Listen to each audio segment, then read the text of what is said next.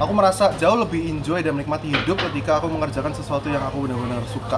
Dan aku seneng gitu loh. Aku nggak merasa itu sebagai kerjaan. Aku merasa itu sebagai lifestyleku.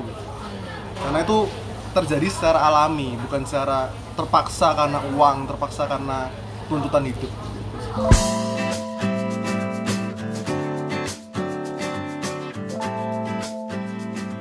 Halo Bobars, Welcome to Taiwan Boba. Halo, balik lagi di Taiwan Boba podcast yang ngomongin segala tentang Taiwan, tentang kuliah, kerja, dan juga lifestyle. Sekarang kita lagi ada di cafe namanya Xiao Kongkuan Xiao Kongkuan. di daerah Kongkuan. Kita lagi minum-minum boba nih. Iya. Sambil kita mau nge-podcast. Yoi. Nah hari ini nggak cuman Jess dan Jen, tapi kita ada special guest. Namanya adalah Dennis. Coba memperkenalkan diri dulu. halo halo Eh, nama gue Denis Eh, gue 24 tahun gue asal asal Surabaya gue udah di Taiwan ini tahun ketiga gue terakhir di MTUST kuliah S2 jurusan bisnis Wow. Wah, udah S2 nih. Udah S2.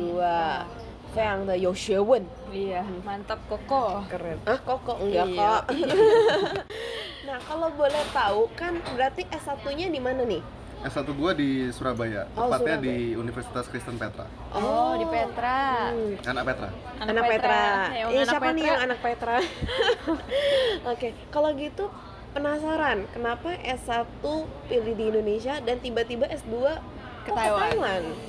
Hmm, dilihat dari pas habis apa SMA, SMA kelas 3 lah.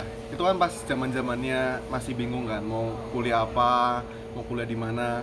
Nah, pas masa-masa itu aku nggak pernah kepikiran sih untuk eh, studi ke luar negeri gitu. Jadi kayak pikirannya ya udah aku di Surabaya aja nyari universitas yang cocok dengan jurusanku lah kira-kira seperti itu. Jadi pas itu eh, memutuskan untuk kuliah di Surabaya aja. Hmm. Terus kenapa akhirnya memutuskan untuk S2 dan ke Taiwan? Sebenarnya kalau untuk S2 sendiri sih nggak pernah kepikiran ya. Jadi pas zaman-zaman kuliah itu pikirannya cuman lulus terus dapat kerja, ya udah kerja aja, entah itu di Surabaya atau di Jakarta. Tapi eh, banyak pola pikirku yang berubah itu setelah mengikuti acara summer program atau summer camp gitulah. Di jadi di kampus Petra itu ada kerjasama tiap tahunnya itu ada acara summer camp. Hmm. Nah, summer camp itu tiap tahun tempatnya berbeda-beda karena mereka kan kerjasama dengan berbagai universitas dari berbagai negara di ASEAN ya. Salah satunya pas saat itu acaranya di di Bangkok, Thailand selama tiga minggu. Nah itu kebetulan juga kesempatan pertama kali aku ke luar negeri. Dari acara itu sih, jadi kayak terbuka banyak hal untuk bahwa dunia ini nggak cuma Indonesia gitu loh. Jadi kayak dari situ banyak pola pikir yang berubah dan eh, jadi bermimpi lagi untuk oh aku kayaknya pengen jalan-jalan, pengen traveling. Nah, itu mulai dari situ sih. Kemudian setelah lulus eh, S1 aku eh, di kampusku itu ada acara semacam informasi tentang beasiswa studi lanjut gitu loh, di luar negeri. Nah, dari berbagai negara itu aku mengikuti sesi-sesi dari informasi tentang beasiswa di Jepang, di Inggris atau di Eropa dan juga salah satunya dari Taiwan. Nah, dari situ baru mulai ada interest untuk eh, wah ini kayaknya bisa nih bisa jadi salah satu cara untuk uh, aku bisa traveling juga dengan cara studi lanjut di luar negeri. Nah dari situ aku baru nyari-nyari tahu informasi tentang beasiswa dan dan lain-lainnya. Ya puji Tuhan akhirnya keterima di beasiswa di Taiwan. Oh jadi oh, beasiswa wow. ke Taiwan? Itu full? Uh, ya kebetulan full scholarship di untuk Kalau S2. full scholarship tuh maksudnya dapat apa aja? Dapat uang CV-nya aja atau uang saku juga atau gimana?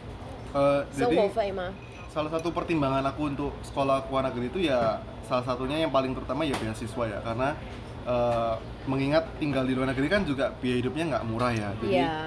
eh, dari berbagai negara itu yang paling memungkinkan untuk aku coba untuk apply scholarshipnya ya Taiwan dan eh, administrasi dan persyaratannya nggak nggak terlalu sulit menurutku dibandingkan Jepang atau Korea misalkan. Nah, untuk beasiswa full scholarship yang ditawarkan NTUST atau Taiketa itu sendiri menurutku sangat generous sih, di mana S2 itu kamu untuk dua tahun kuliah gratis, nggak perlu bayar sama sekali. Wow. Terus kemudian tiap bulannya kamu dikasih uang saku lagi Berapa?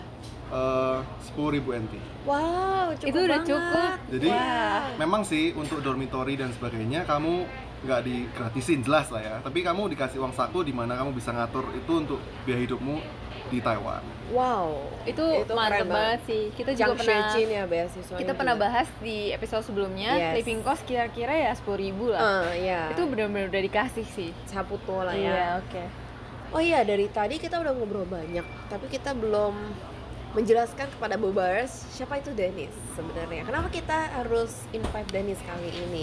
Jadi sebenarnya Dennis itu walaupun dia S2 bisnis, tapi kita hari ini bukan mau ngomongin tentang bisnis, Hmm. tapi kita ngomongin tentang yang para para cewek suka nih. Foto-foto. foto-foto. Dia adalah seorang fotografer. Fotografer. yang cukup terkenal di Instagram. Udah ada berapa nih followersnya? Kira-kira ber eh Ichen Cichen ber Chen tuh apa ya Indo ya? Ribuan. beribuan gila gila gila. Aduh maaf tiba-tiba Otaknya dong-dong. Oh iya. Oke, jadi tadi kan udah ngebahas oh Dennis itu S2 di sini, bisnis. Nah, kita tuh hari ini mau ngomongin fokus ke ke Fotografi. fotografi. Kenapa bisa dari bisnis melenceng Iya. ke fotografi? Pengen tahu dong kita. Kenapa sih? Kapan kamu menemukan passion kamu? Padahal kamu tuh Anak bisnis. anak bisnis. Kenapa nggak pergi bisnis aja? Kalau untuk apa senang fotonya dulu lah mungkin ya Eh, pertama kali megang kamera itu pas kelas 1 SMA sih. Jadi ada acara semacam study tour lah ya. Study tour ke daerah hutan bakau dekat sekolah pada saat itu. Hmm. kemudian eh, aku kan pengen kayak dokumentasi sih pada saat itu kayak pengen eh, pengen foto-foto aja supaya ada kenangan gitu lah dari Hmm. acara study tour itu. Kemudian aku minjem kamera temen karena aku nggak punya kamera kan. Jadi aku minjem kamera temen terus eh, selama acara itu aku foto-foto-foto. Nah dari situ baru mulai ada kesukaan dan interest gitu di eh, dunia foto. Tapi untuk eh, sampai eh, dari kesukaan hobi itu sampai jadi passion tuh butuh waktu yang panjang sih. Iya. karena selama rentang SMA sampai kuliah itu aku nggak terlalu menekunin foto yang sampai dalam sih. Hmm. jadi cuman sekedar interest atau hobi kira-kira gitu. Eh, ketika nyampe Taiwan kali ya baru bisa dibilang aku kan explore setiap kali weekend kan suka explore sama teman-teman gereja jalan-jalan terus foto-foto juga. Nah kebetulan dari teman-teman gereja itu juga ada yang eh, hobinya sama dalam dunia foto. Jadi kayak banyak belajar bareng sama mereka. Dari situ sih baru mulai oh kayaknya gue pengen lebih dalam lagi dari dari hobi ini. Gue pengen eh, ubah jadi eh, pas pas eh, pas itu sih cuman sekedar pengen belajar lebih dalam lagi sih. Bukan cuman belum ke arah yang meng- pengen menghasilkan uang dari foto. Hmm, baru passion ya. Hmm, baru baru dari situ. Karena terus dan terus dilakukan hampir setiap minggunya jadi lama-lama mulai nih mulai eh, passion dalam dunia foto itu eh, semakin kuat gitu sih Tadi ada ngomong dari interest ke passion itu dari fotografi kan dulu interest, sekarang Hmm. jadi passion. Hmm. Apa sih bedanya? Kalau menurutku sih kalau cuman sekedar hobi dan interest tuh kamu cuman eh, belajar sesuatu untuk eh, apa ya eh, untuk supaya kamu tuh senang gitu loh ngelakuinnya. Tapi kalau sampai ke arah passion tuh kayak kamu tuh bener-bener terobsesi dan belajarnya itu atau eh, apa ya udah bener-bener obsesi gitu lah sampai pengen kayak semua hal itu berhubungan tentang Semua foto, kayak- kehidupan ya? Heeh. kayak waktumu dan energimu dan fokusmu tuh kayak kamu benar-benar curahkan buat satu hal itu sih Berarti sekarang udah jadi passion, udah jago banget dong. Eh, Gimana caranya nggak ya? juga Supaya dari masih banyak yang harus dipelajari apa yang membuat bisa jadi sampai sekarang? kalau pembelajaran kalau aku sendiri sih kan memang kalau dalam dunia foto kan nggak ada pernah ikut kelas nggak pernah ikut workshop atau nggak pernah ikut eh, apa ya or- organisasi atau dan sebagainya aku purely eh, belajar sendiri otodidak lewat internet khususnya YouTube sih dan Instagram salah satunya Wow. Siapa tuh yang influence you? youtuber atau Jadi kalau yang mana nih kalau dari pertama dari Instagram sih karena pas awal-awal tahun 2016 itu kan baru mulai karena pada saat itu kan ada yang summer camp yang tadi aku udah ceritain kemudian kan aku nyari-nyari inspirasi kan lewat Instagram pengen foto apa di Thailand dan sebagainya terus ketemu satu profil yang bener-bener apa catch my attention gitu. Eh, namanya sih George Hammond. Dia dari fotografer dari Inggris. Dan memang dia profesinya eh, travel photographer gitu. Jadi dia keliling dunia untuk eh, foto dan juga menghasilkan uang lewat foto dia juga. Gitu wow. Gitu sih. Kemudian kalau dari YouTube sih sebenarnya banyak banyak sih youtuber yang eh, bagus dan aku banyak belajar dari dua orang sih. Lebih tepatnya Jessica Kobesi dan Manny Ortiz. Karena aku merasa style fotografiku eh, mirip-mirip dan cara pendekatan mereka terhadap mengambil foto juga eh, aku suka gitu. Itu sih salah satunya. Ngomongin style fotografi, style fotografi Koko tuh yang kayak gimana?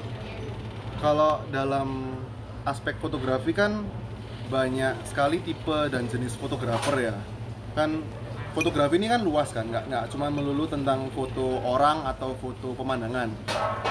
Kalau aku sendiri kan memang interest dan fokusku lebih ke foto pertama aku sukanya di foto pemandangan sih, landscape gitu. Kemudian karena aku pindah dan tinggal di Taiwan, khususnya Taipei, karena aku tinggal di suasana kota aku jadi lebih interest untuk foto street karena suasana kota di Taiwan ini menurutku bagus dan bisa didokumentasikan juga sih kemudian setelah lebih ke Jepai ya? Hmm? Jepai Street. Ya street. Street photography Jepai itu Eh, kemudian untuk yang interestku yang sekarang ini sekarang lebih ke portrait dan eh, lifestyle fotografi. Di mana eh, aku foto subjek eh, ya individual ataupun pasangan ataupun keluarga. Kayak gitu. jadi kayak lebih ke arah lifestyle fotografi sih. Natural lifestyle fotografi kalau kalian tahu nih ya aku tambahin sedikit jadi si Dennis ini sekarang itu dia kerja sebagai freelancer yang ngambil case-case untuk ngefoto orang ya ya untuk foto holiday foto couple atau foto keluarga gitu Oh, jadi dia tuh lebih ke arah sana makanya gaya-gaya fotonya tuh ke Street. street gitu. Nah, ngomongin tentang foto-foto di Taiwan nih ya kan ke Taiwan kayak wow keren pengen jadi foto street gitu. Di mana, di mana sih tempat-tempat yang wajib foto di Taiwan? Ada nggak sedikit referensi buat Bocoran. kita? Nah, bocoran deh. Kalau foto klien lah, foto klien paling favorit sih foto di CKS sih, karena di CKS sendiri tuh Chongzhen Jinian ya Chongzheng Jinentang satu tempat tapi banyak spot foto dan angle yang bisa diambil gitu sih. Jadi itu itu spot yang paling wajib untuk foto klien di Taiwan, eh khususnya di Taipei City lah ya. Kemudian Dikirain aku iling i loh. Aku suka CKS sih, jadi oke. Oke, Jawabannya ya. memuaskan. Oh gitu ya. Soalnya kan ikoniknya tuh kan kalau Taipei Taiwan kan iling i, jadi aku kira tuh bakal ke iling i. Soalnya gitu. ilingi kan cuma gini doang satu ke atas. dan panjang gitu ya, jadi susah Iya, fotonya. CKS kan lebih kayak Taiwan banget gitu. Oh gitu. kalau aku sih paling paling wajib foto klien pasti mulainya dari CKS dulu sih. Wow. Selain Kalau- CKS, Kalau 101 aku suka fotonya dari Sisenanshun. Wah, itu juga spot yang tersembunyi guys. I don't know. You don't know, Susunanchuan itu di mana? Di dari Taipei 101 MRT Exit deket 2. sih, deket sih. Exit 2 kan, jalan sedikit 2 menit nyampe. Dari 101 jalan tuh kayak Itu kira-kira bisa 5 foto dapat pemandangan apa? Iling I, full Iling I dan sampingnya tuh kayak ada eh, rumput-rumput gitu loh. Yuk terasa lagi di desa tapi sebenarnya yuk di kota dan belakangnya ada Iling I. Ya kan? Benar kan? Jadi kayak ada kombinasi yang old sama yang modern gitu. Ya. Oh, Keren banget. mantap. Kalau tempat yang tersembunyi lagi satu lagi? Terus sembunyi lagi, gua paling suka di Taipei tuh karena gua su- juga ada interest di pesawat aviation gitu. Jadi gua suka ke Songsan Chichang. Oh. Jadi di, di di belakang Songsan Airport itu ada sebuah gang gitu Jichangjie. Namanya untuk untuk buat ngelihat eh, apa pesawat-pesawat itu Terbang. landing, landing di landing. Songsan Airport. Wow. Oh, jadi kita lagi jalan terus ada pesawat gitu atasnya. Ya. Itu di, di daerah dekat Xingtian Temple sih. Oh. Oh, Oh, Taipei. Fish Market lah, lebih dekat Taipei Fish Market tadi. Oh. Gitu. Ada lagi nggak? Ada lagi nggak? Kalau yang yang mainstream sih ya Ximenting, Heeh. terus Xiangshan lah, Elephant Mountain. Gitu. wow, keren banget Jadi ya. sebenarnya kalau dibuat eh, kalau kita ngomongin foto liburan atau foto eh, lifestyle di Taipei City itu udah banyak banget spot sih. Nggak cuma melulu CKS, Taipei 101, tapi juga ada banyak tempat-tempat yang eh, meskipun itu bisa dibilang tempat mainstream atau tempat liburan, tapi ya itu juga bisa jadi salah satu spot buat foto liburan gitu. Sebenarnya ada satu tempat lagi yang aku menunggu-nunggu disebut, yaitu Yelin Tataunya Taita. Oh, yang dekat sini nih. Iya, soalnya banyak banget orang suka foto priwet di tengah-tengah. Hmm. Biasanya yang foto priwet di Yelinta atau itu biasanya Taita. anak-anak Taita lulusan Taita Iya. yang kenal mereka pacaran di Taita. Iya, betul. Biasanya. Iya, sering banget tuh aku naik sepeda, tiba-tiba eh ada yang priwet, eh ada yang priwet ya lah kampus gue. Eh, Selain priwet kan itu juga spot wajib buat seluruh wisudawan lah di Iya. Taiwan. Ya benar lah. Betul, betul. Terus pengen tahu nih selama ngambil case dari klien-klien, ada cerita yang paling susah dilupain nggak? Memorable lah ya. Yes. Kalau yang paling memorable sih awal Januari kemarin sih. Wow. Pas banget. eh, kebetulan ada dapat klien yang request untuk eh, foto secret proposal. Wow. Lamaran, lamaran. Orang apa? Surprise, surprise. Jadi dia eh, Japanese American. Oh, I see. Japanese American, pacarnya itu Taiwanese American. Oh. Nah, jadi mereka liburan, liburan tahun baru lah ya. Karena keluarga si ceweknya ini kan tinggal di Taiwan.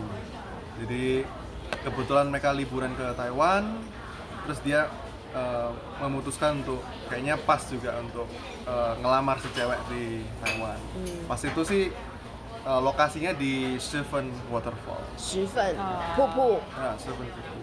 Di dekat Ruifang sana. Ah, uh, Ruifang. Uh, ah, jadi pas itu memorable memorablenya kenapa? Karena aku sama si klienku yang cowok ini nggak pernah ketemu. Jadi cuman pure komunikasinya lewat sosial media atau le lewat chat aja. Hmm. Bener-bener diskusinya hanya lewat itu dan itu challenging banget sih menurutku karena kita harus mengkomunikasikan berbagai aspek berbagai apa ya karena kan untuk foto secret proposal ini kan kita harus memastikan lokasi waktu angle-nya kemudian angle-nya Nggak gimana ketahuan juga sama ceweknya. Iya. terus pada saat itu juga yang bener-bener challenging banget itu cuaca oh ya kalau hujan Iya. karena pas awal tahun itu musim hujan banget sih. Iya, karena kan lagi suasana winter juga. Iya. Dan karena lokasinya di luar Taipei jadi akses menuju ke tempat itu juga lumayan. salah satu tantangan tersendiri sih pada iya. saat itu. Heeh.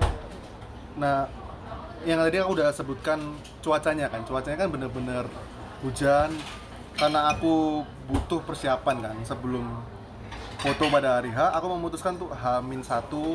Itu aku survei survei lokasi. Sendiri? Sendiri survei lokasi sendiri pergi ke tempat lokasi sendiri kemudian mencari berbagai angle berbagai tempat untuk di untuk didiskusikan lah sama klien.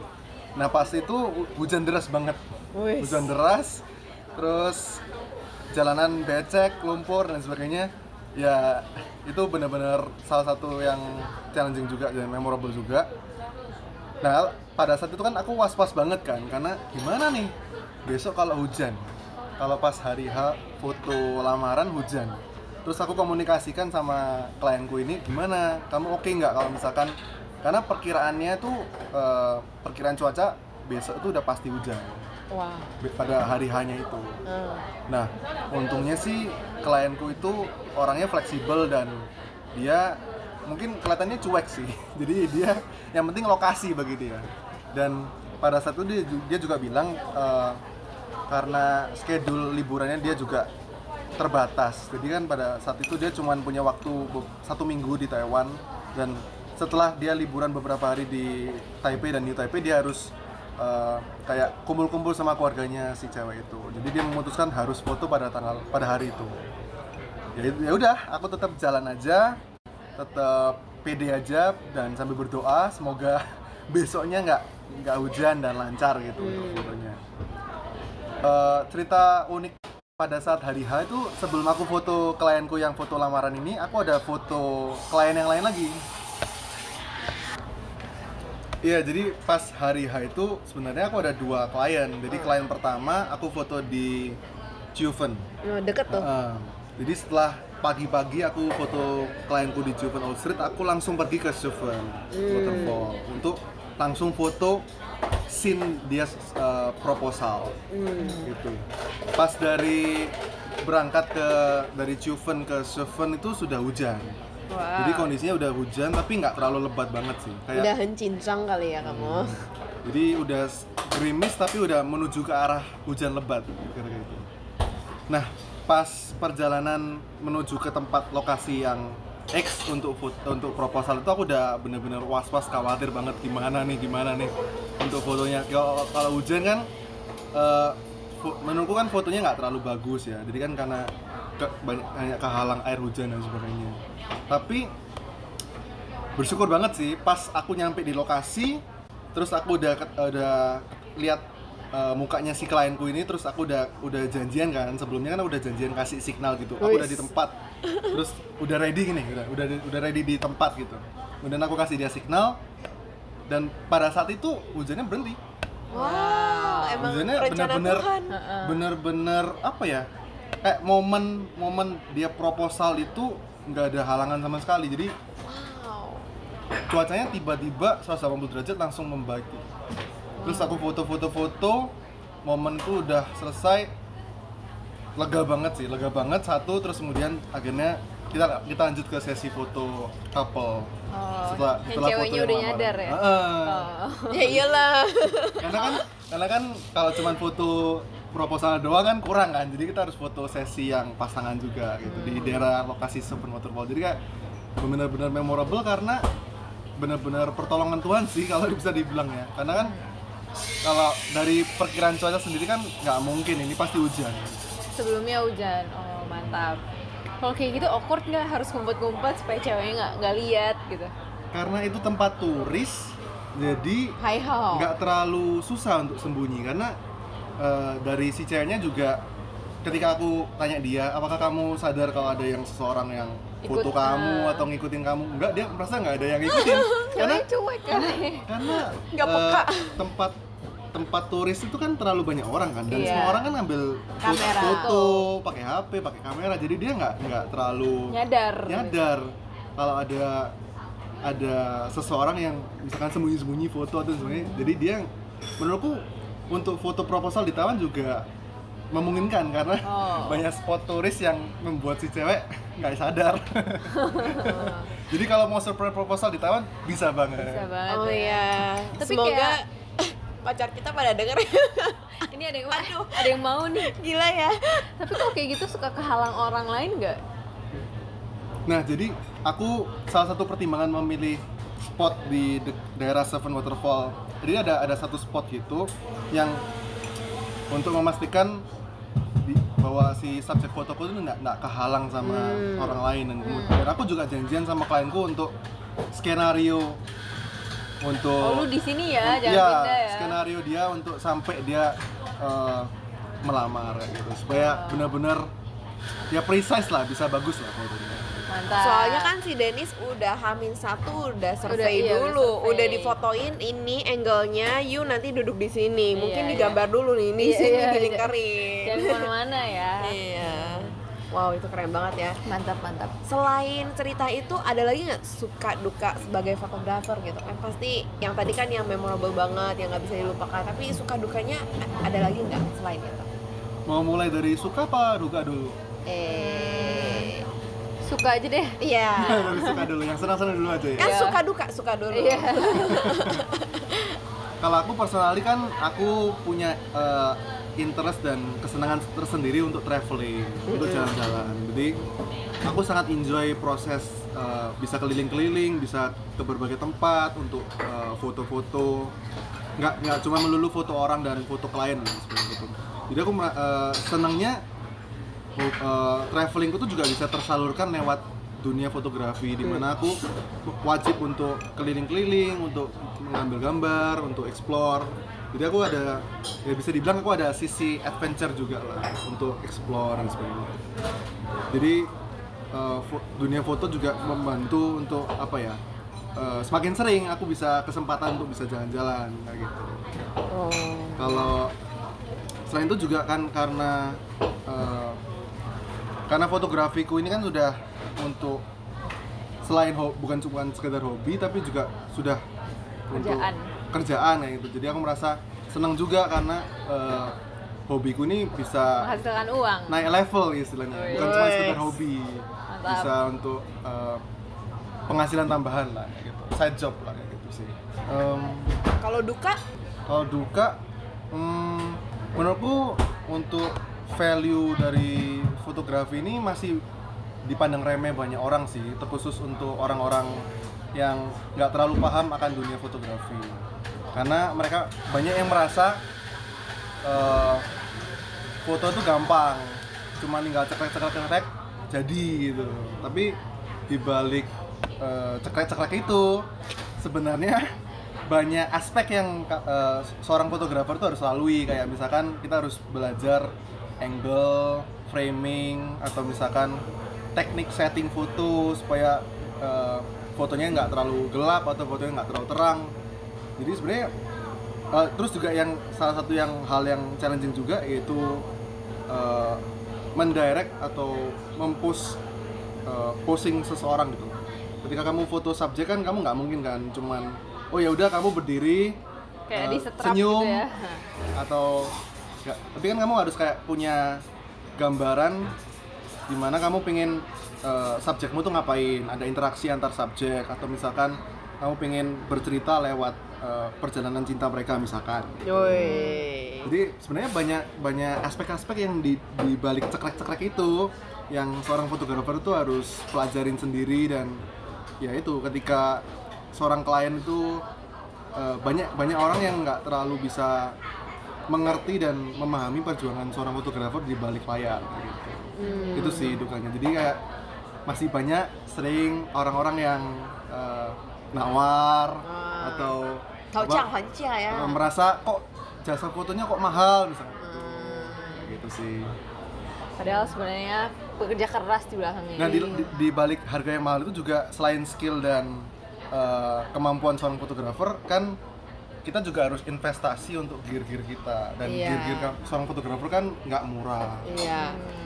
Dan Dennis kan bener-bener handrencen ya, kayak misalnya Hamin satu pergi Udah dulu sendiri. survei. Jauh loh itu Stephen Popo itu nggak lumayan, gampang pergi lumayan. sendiri dan hujan-hujan. Iya. Rasanya udah pengen mau nangis gitu loh aku dengernya. Terus eh, aku tiba-tiba kepikir gitu kan, Dennis kan suka travel, suka foto-foto. Aku jadi kayak kepikir aku punya mimpi dulu pengen punya cowok fotografer biar bisa difoto-foto. Iya nggak sih kayak impian cewek-cewek untuk mempunyai Iya, ya biar Instagram feed-nya bagus. Yo, pasti banyak nih. Mungkin siapa tahu. Dennis perlu. Nggak Iya, bercanda. siapa tahu ada yang pengen Instagram feed. Eh jangan sih. Maksudnya jangan karena fitsnya doang. Iya. Ini Tapi plus plus iya, tambahan. Iya, nilai plusnya. Tiba-tiba kepikir aja sih, random banget. Oke, kalau Terus aku juga penasaran gimana sih cara storytelling dengan foto? Oh wow. Apakah ada trik, tips and trick gitu? Em, kalau aku personally pendekatannya sih lebih ke komunikasi sih komunikasi itu penting banget dalam eh, untuk storytelling di dalam sebuah foto jadi biasanya kalau aku ketemu misalkan couple gitu ya pasangan gitu ya itu sebelum aku foto aku harus kayak ngobrol-ngobrol sama mereka untuk Kenal dulu. ice breaking gitu lah ya sekitar 15 menit untuk sekedar tahu background mereka mereka tinggal di mana kerja di mana terus mereka kok bisa ketemu kok bisa pacaran dan sebagainya jadi kayak berusaha memahami dan sekaligus ice break icebreaker untuk supaya ya. Relasi, relasi antara fotografer dan klien itu bukan cuma sekedar ya cuma buat kerjaan tapi ya bisa kayak Jadi eh, teman. temen yang fotoin lu gitu Ah, berasa oke. berasa teman sendiri yang lagi ngotoin kalian jadi supaya nggak canggung juga sih kemudian kalau untuk posing eh, subjek juga aku nggak pengen yang terlalu fake gimana sih jadi kayak mulai dari yang mencoba dari yang paling gampang itu tipsnya untuk eh, supaya subjek itu eh, ngobrol-ngobrol Hmm. Natural aja. Sambil ngobrol sambil difoto. sambil ngobrol sambil difoto. Wow, itu Supaya- paling enak sih. aku lebih lebih suka eh, foto-foto yang lebih natural sih. Natural style lah ya bukan yang lebih ke direct post. Memang sih ada ada direct post teman aku nggak pengen mulai dari situ karena aku merasa eh, dari interaksi antar subjek itu bisa mencairkan eh, ekspresi mukanya sih. Itu yang paling penting sih karena kalau ekspresi mukanya udah kaku sesi foto seterusnya juga akan kaku terus. Jadi aku merasa eh, harus lebih fleksibel dan bisa natural antar interaksi antar subjek gitu. Mulai dari situ sih tipsnya kalau natural lifestyle. Style fotoku kayak gitu. Nah, kan tadi kita udah ba- banyak ngomong tentang fotografi nih. Gimana kalau kita balik lagi pengen tahu nih, pengen kepo dikit eh, plan kamu nanti after dari Taiwan ini kira-kira oh di Taiwan mau berapa lama sih, mau ngapain aja, planningnya ke depannya mau apa? gitu. Jadi untuk sekarang ini kan aku kan benar-benar interestnya kan lebih ke holiday dan lifestyle fotografer, fotografi. Tapi sebenarnya di balik semua itu mimpi besarku itu lebih ke arah eh, travel fotografi sih.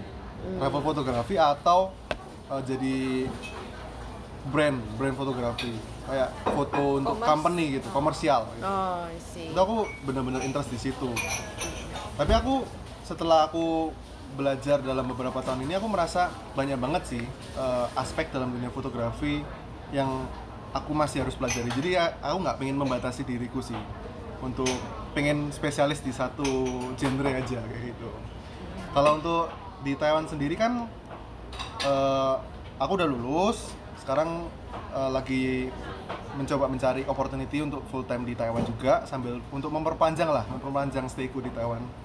Eh, karena aku merasa eh, fotografiku ini masih sekedar side job sih freelance gitu. Cuman untuk ke depannya masa depan ya aku pengen suatu saat nanti bisa jadi full time fotografer. Wow. entah itu di fokus di lifestyle aku nggak pengen membatasi diri sih. Mungkin karena opportunity sebagai fotografi itu luas banget sih Iya. Eh, nggak cuman untuk foto orang bisa aja foto eh, olahraga foto Makanan. poli- apa event foto makanan gitu. cuman memang untuk sekarang sih pengen eh, fokus kalau bisa stay di Taiwan sambil terus eh, ya istilahnya mengembangkan lah bisnis fotografi di Taiwan Terus penasaran nih kenapa pilih stay di Taiwan gitu loh? Kenapa nggak di Indo kan juga bisa? Hmm. Eh, mungkin aku lebih enjoy convenience-nya kali ya. Untuk eh, apa eh, working life balance di Taiwan menurutku sangat bagus dibandingkan negara-negara tetangga seperti Jepang atau Korea. Dan juga untuk si- dalam sisi fotografinya aku merasa jauh lebih dihargain sih. Di ya aku kerja untuk eh, apa foto klien dan sebagainya aku merasa effort dan reward yang aku terima di Taiwan Sama, sebanding gitu. Eh, ya kebetulan aku punya banyak teman yang kerja di industri foto di Indonesia juga dan dari berbagai cerita pengalaman itu ya eh, ya itu aku juga banyak belajar dari mereka tentang realita kerasnya dalam persaingan bisnis fotografi di Indonesia terlebih juga. Jadi aku kayak merasa eh, mungkin sejauh ini aku pengen stay dulu di Taiwan, pengen explore lagi sekaligus lebih ke jalan-jalannya itu sih. Gitu. Dan selain itu juga karena Taiwan ini dekat sama Jepang dan, dan aku kan juga suka banget sama hal-hal yang berbau Jepang. Jadi aku kayak pengen kalau bisa stay di sini untuk biar liburannya Explore nanti bisa ke Jepang. Jepang gitu. Karena kalau dari Indonesia ke Jepang kan tiketnya lebih mahal. Iya benar sekali. Nah kan dari tadi kita ngomongin tentang wah Taiwan sebagus apa, convenient ini itu segala macam wah Taiwan the best lah istilahnya. Kalau tadi denger ya. nah kalau misalnya aku penasaran kalau Dennis ini gak datang ke Taiwan tiga tahun yang lalu, bagaimana kira-kira hidupmu sekarang? Hmm. Kalau nyimak ceritaku yang sebelum ke Taiwan kan pasti eh, aku kan sudah mention kan di mana aku nggak nggak punya pikiran yang jauh gitu loh kayak aku lulus kuliah S1 ya kerja aja di Surabaya atau di Jakarta. Nah jadi kalau menurutku sih kalau aku nggak ke Taiwan kayaknya aku masih kerja kantoran deh sampai sekarang. Di Entah itu di Indo? Surabaya Oh. gitu. Kan- Di- kantoran apa nih bisnisnya itu? Jadi sebelum sebelum gue berangkat ke Taiwan tuh gue sempat kerja Oh ya. tiga bulan, Oh, tiga bulan doang. tiga bulan doang. Jadi pas itu eh, nyari informasi tentang beasiswa, apply sekaligus gue nyari lowongan kerja. Nah pas gue keterima kerja, bulan kedua gue dapet pengumuman beasiswa gue keterima. Oh. Terus gue bulan ketiga gue resign. Wah, Jadi kalau gue nggak berangkat ke Taiwan, kayaknya gue masih kantoran deh sampai sekarang. masih di kantor itu ya. Eh, Soalnya udah diterima. Dan bisa jadi, bisa jadi aku nggak nggak mengubah hobi fotoku tuh jadi bisnis. Bisa Hmm. jadi. Cuma jadi Cuma bakal jadi jadi, hobi. hobi. doang. Hmm. Bakal sayang banget ya. Iya. Oh, terakhir nih mau minta advice kira-kira buat teman-teman mungkin atau student yang di Taiwan juga mempunyai hobi fotografi Atau hobi aja deh. atau iya. Ya, apalah. Heeh. Hmm, kalau aku pribadi, aku melihat bahwa tiap orang itu punya interest dan kesukaan masing-masing. Kita nggak bisa mensamain untuk eh, tiap orang harus punya kesukaan dan interest yang sama. Itu yang satu. Kemudian aku juga melihat banyak orang yang sampai sekarang masih bingung sih, masih bingung. eh, bahkan untuk ditanya interest kamu apa, kesukaan kamu apa, pengen fokus di apa, eh, pengen kerja apa eh, atau misalkan bahas tentang kerjaan aja banyak orang yang masih bingung mau ngapain. Jadi aku merasa untuk teman-teman yang di mana pun di di Taiwan maupun di Indonesia yang masih kuliah, terutama yang masih kuliah, eh, gunakan waktu kuliah itu untuk explore diri sih, untuk bener-bener eh, cari tahu kamu tuh pengen ngapain dalam hidup kayak gitu. Maksudnya untuk lima tahun ke depan, 10 tahun ke depan, 20 tahun ke depan tuh kayak cari satu hal yang benar-benar kamu tuh benar-benar suka dan coba itu jalanin entah itu sebagai hobi nggak nggak harus sebagai kerjaan jadi jadiin hobi dan mungkin dari hobi itu bisa jadi bisa bisa juga jadi passion dan interest gitu. Jadi aku merasa untuk masa-masa kuliah itu benar-benar krusial buat seseorang untuk menggali dirinya itu lebih dalam lagi. Karena kalau udah masuk dunia kerja itu udah beda banget sih. Karena kamu udah disibukkan dengan berbagai hal. Iya. terus kamu juga menghadapi realita kehidupan yang keras. Dan ketika, ketika kamu sudah punya uang ya banyak aku juga melihat banyak orang yang bisa dibilang mengkubur passionnya gitu. Iya. karena dia merasa gue udah nyaman gue udah dapet uang dan eh, ya udah gue jalanin kerjaan gue aja. Hobi itu ya cuman sekedar hobi kayak gitu. Tapi kalau aku pribadi aku nggak pengen passionku ini terkubur oleh realita kehidupan gitu sih. Jadi meskipun aku sekarang belum bisa menjadikan itu sebagai full time job tapi aku udah punya rencana jangka panjang di mana aku akan meninggalkan kerjaan-kerjaanku ini dan fokus di passionku ini. Karena aku merasa kalau kamu nggak enjoy mengerjakan sesuatu dalam hidupmu ya buat apa gitu loh. Maksudnya aku merasa jauh lebih enjoy dan menikmati hidup ketika aku mengerjakan sesuatu yang aku benar-benar suka. Dan aku seneng gitu loh. Aku nggak merasa itu sebagai kerjaan. Aku merasa itu sebagai lifestyleku. Karena itu terjadi secara alami bukan secara terpaksa karena uang terpaksa karena tuntutan hidup aku jauh lebih menghargai hidup seperti itu Wah, dari tadi kita eh, ngobrol lah ya. Aku dapat dua sih. Yang pertama itu aku dapat kamu jangan pernah ngelimit diri kamu sendiri di comfort zone kamu atau misalnya sekarang aku jurusan bisnis. Aku ke depannya pasti jadi businesswoman atau businessman tidak. Itu nggak terbatasi di dalam jurusan atau kehidupan kamu. Kamu harus explore lebih banyak. Itu aku belajar dari Dennis. Soalnya dia tuh dari bisnis tiba-tiba jadi melenceng jadi fotografer gitu. Jadi apa pun jurusanmu itu cobalah semua hal yang lu bisa cobain pas lu masih ada kesempatan yaitu pas kuliah. Yups. Kan banyak tuh setuan-setuan. Nah yang kedua itu nah yang kedua itu gue tuh belajar kalau soalnya gue juga kadang-kadang kayak gitu. Kayak misalnya lu udah kerja lu merasa lu udah dapet duit. Udah Ah, nyaman ya? nyaman lah ngapain gue passion gue misalnya kalau gue kan piano sebenarnya gue udah melupakan piano kok. Jadi setelah mendengar Dennis tuh bener-bener jangan sampai ngelupain apa hobi lu dan apa yang ada di dalam diri lu gitu. Bener-bener kita belajar banyak lah ya. Nah terakhir terakhir ada advice gak buat fotografer advice gua buat fotografer fotografer eh, dua sih lebih ke self awareness dan self esteem karena di dalam era sosial media ini eh, untuk aku pribadi aku sering kali terperangkap dalam eh, aku membanding-bandingkan hasil karyaku dengan hasil karya orang lain. Hmm. Jadi karena persaingan di dalam dunia sosial media ini kan juga banyak banget kan fotografer di berbagai dunia, berbagai negara, nggak nggak cuma terbatas di Indonesia dan Taiwan. Seringkali aku eh, merasa hasil karyaku ini jauh di bawah fotografer fotografer lain.